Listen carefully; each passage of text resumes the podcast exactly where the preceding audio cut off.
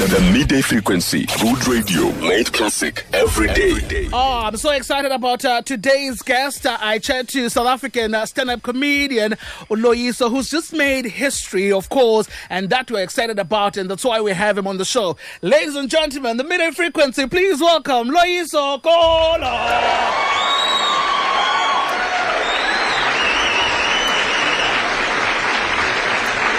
Hello, welcome to the show. Thank you for having me. That was a lot of energy. How, how are you doing? I'm cool. I'm tired. Um, but, I mean, just after the long weekend, I thought I was going to rest. I didn't rest. So here we are. It didn't happen. There was no rest. No rest on my end, man. I thought I was going to rest, but I just ended up just meeting people and just having too much fun. Oh, that, that's great, though. At least the fun part is, is the nice part about it.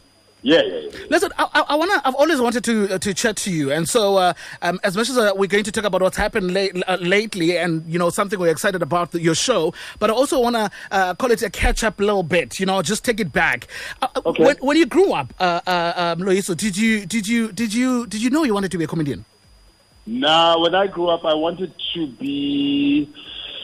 Uh, I wanted to play for Orlando Pirates. Really? Yeah, yeah, yeah. And how did you Yeah. how did you end up on comedy then? Uh, I, it was a school project, and in the school project, they were like, um, you have to choose a career for like a week, and then if you, then you write a report about it. And what I chose was to follow some comedians who were in Cape Town at the time uh, under a group called, um, I, I, well, an umbrella called uh, the Cape Comedy Collective. And so I just followed them, and then uh, I was 17 at the time, and I've been doing comedy since that school project. Uh, That's fantastic. And then Loyiso Gola was uh, now a global name, of course, after many years, of course, of working. And now this is where you are. Do you do you ever get to sit back and be like, man, I've been doing this and I've been doing it well? Um, well, I think getting a Netflix special is, could be confirmation of that. It Yeah. could be, Yeah. Yeah, maybe I'm doing the right thing uh, Mm. in terms of how this career is supposed to go. So I'm so for me, it's it's a it's a great bit of affirmation. Um, to get a Netflix special after doing comedy for 20 years. Absolutely. I, I wanna, I wanna, I wanna talk about you when you're on stage, right? Yeah. I, I attended a show in uh, in Port Elizabeth, well now Gqeberha, right? And um, it was your show. Uh, to say the least, you made so much fun of me. I was so annoyed actually. But I mean, it, it, when you get on stage, do you, you you've got it planned out that this is you know how the show is going to run. But for Yeah. some reason, a lot of times when you get on stage, you know, there's things that just change, and, and the show ends up being either about one person. In my in my case, it was about me because I was laughing the loudest, and you just didn't understand. Is, is that how things go? Sometimes, but uh, I don't know how long ago that show was. But was probably four now- years. Yeah, four, five. Yeah, then I was at that time in my life. I was still talking a lot to the crowd. At the moment, I don't really talk to the crowd. I prepare a lot at home, and then I just perform in front of them. I, I find that there's no disruptions in that way. Sometimes you get into the crowd and you talk to them, and they they don't lead you to where you want to be in your funny. But if you prepare at home and just come and perform, that's how I've learned to approach it now. Oh, that's fantastic. Is is there anything that's ever happened to you on stage that you thought, "Flip, this is embarrassing"? Oh, the most, the most. I, a couple of years ago, I was talking to a girl in the crowd, and then and then we start like we we're talking, but we we we. I'm asking her, "What do you do? What's her name?" But it's a small room, and we're talking, and then she says to me. Why are you pretending like you don't know me? Then I look at her, I'm like, I, but I said, I don't know you. Then she says, we we are chatting at the moment on Tinder, and I sent you a message two days ago, and you haven't replied.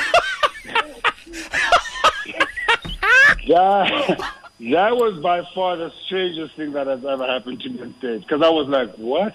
And then I actually opened my Tinder, and, and I was like, oh shit, there you are.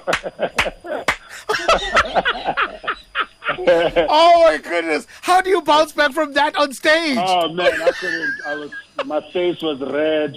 It was navy purple. And I was all over the place. I can imagine. I can. Yeah, I was all over the and, and, also on that, but what, what's the best thing that's ever happened to you on stage?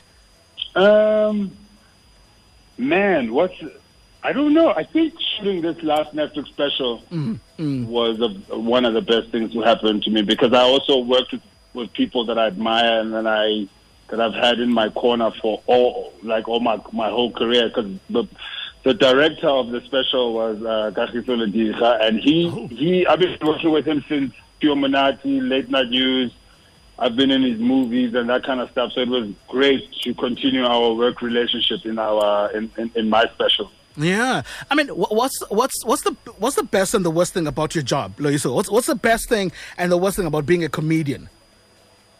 The best thing is that your brain is always trying to make light of situations. Mm, mm. So that's the best thing. And then the what's the worst? What's the worst thing? People, No, there's not. There's not.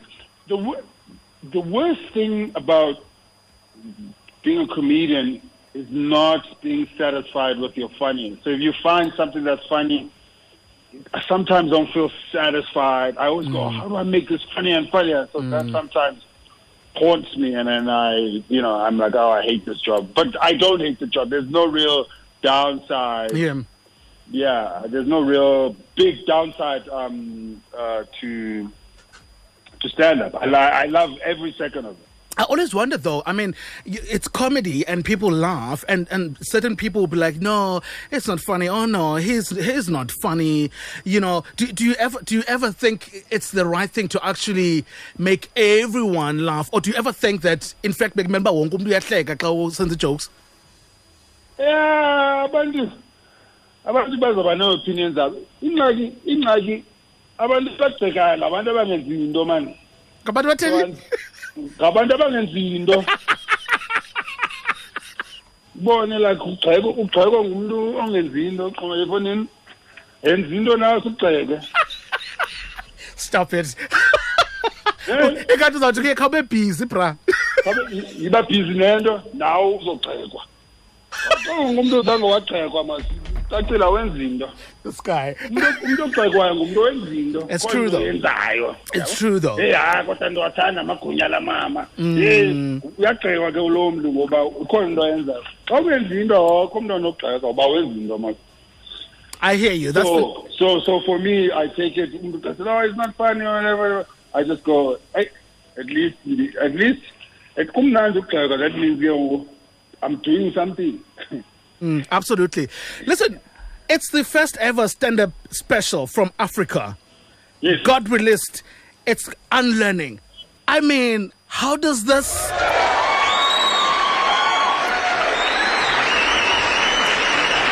How does this even come about? Emoni ngobani osestudio. Angolayo.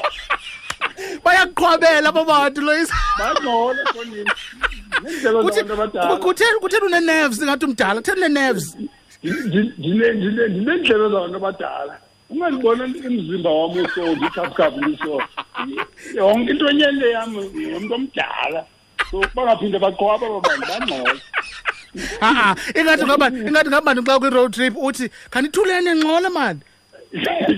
Ndimla mna ndisangena kwaseklabhini ndiye ku-dj ndiqonde ku-dj ndithe dj mfethu xa unoyithoba kancinci nje sifununcokola eh. I can I cannot stand noise. I cannot stand noise. ah no man come on come on this, I'm serious. Nah, and and van and van nengxolo. So that's why abantu baqhwabayo apha studio ngoku. Andiyazi ngizothi. I, I knew this is how this interview is gonna go okay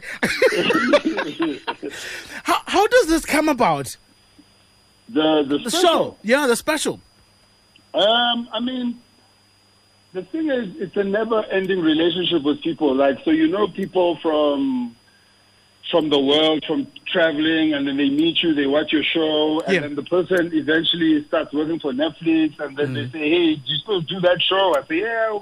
I haven't done it in a while, and then they go, "We want to buy it at Netflix," and I go, "Okay, cool, let's try to get the deal done." Mm, so it mm. takes a long time. I mean, we started really talking about this since last year, January. So it's been a year. We released it in Feb, but we've been chatting since Jan. Just a year, just, Just a over year. a year. Just over a year. I, I read I read somewhere uh, where you know, of course, you know, South Africans are, are excited about this, you know, the special, and uh, I, I read somewhere that uh, you you were saying yes, uh, you see it, it is great, it's meaningful, but you're also saying you you you you don't see yourself, you know, as an African act, you know, but but but rather as as a global act. Yeah, yazi ndithetha in what context loo nto abantu Eh, um xa xa be- xa becinga umafrika bane- bane-perception eyi-one. Yeah, yabo? Yeah. so ke mna ke and it's not like africa is not part of the globe. Mm. And so xa ndi- when- xa ndiperforma i'm performing for everyone whether umntu usenairobi whether umntu useflorida whether umntu useqeberha whether wherever you are i want you to understand what i'm saying. And that's a mm. global idea. Obviously mm. ndingumafrika by birth by existence by identity but mm, into endizithethayo are appealing to all over the world. I mean, I, the show in uh, Netflix before it came from Netflix, I was in Finland, I was in Lithuania, I was in Copenhagen, I was in Austin, Texas. Yeah, but I, and everyone was laughing at the same thing. So, on, talk he's an African. You just he's an African act. You, you, it's almost like you you're narrowing me down. I'm a global act. Mm, no, but you are. Lisa, we're really proud and happy and uh, really excited about this. But uh, I, I wanted to ask. I saw I saw you sending boxes to people. Ibox, ayibox, La- fridge. Eh, well, a fridge le bhoko iphuma phaa. Ufuna ifridge nawe? Eh, ndiyifuna nayo. Awuna- awunayo ifridge. Andinayo ifridge endlini, Loyiso. Send me a fridge. ungayi kwadefine into eyifridge for ndisokolisa Ah, but yabona ke ndizawufaka ezi zandla ziqhwabayo. Ndifuna le yakho ifridge, ndifuna le fridge yakho. ifridge ya- ifridge endlini yakho Le enobuso bam eh, le inobuso bukaLoyisa ifridge, ndifuna la fridge. hayi hayi masithi masithi ngoko le offline njengoba uyayifuna nyhana hayi yebona ngakudidizela ngakudidizela andiqondi uba basazelo zafrika bani ngakwenzela icebo But Lord Titiza, listen, thank you so much for chatting to us. We really appreciate it and so, so proud of what you've achieved. And uh, it just proves that really, uh, of course, you know, as an African child, and uh, you, you, you are a global person. And that's uh, what you've, you've done over the years. I mean, 20 years, you've really worked your way. And it's really good to see it come to this. Thank you so much for chatting to us this afternoon. Where do we follow you on social media? um twitter instagram ndilapho oh loyisogola uh, one word Absolutely. Ladies and gentlemen, Loyiso! ithe aba bantu bangaqhwabi Okay, ndiyekile. banezo ninerves man Loyiso, bye-bye. Bye-bye. I can't believe this. Oh, ladies and gentlemen, uyekile ke ngoku ndingaqhwaba, huh? I'll be tweeting and asking him to deliver my fridge, actually. I want it.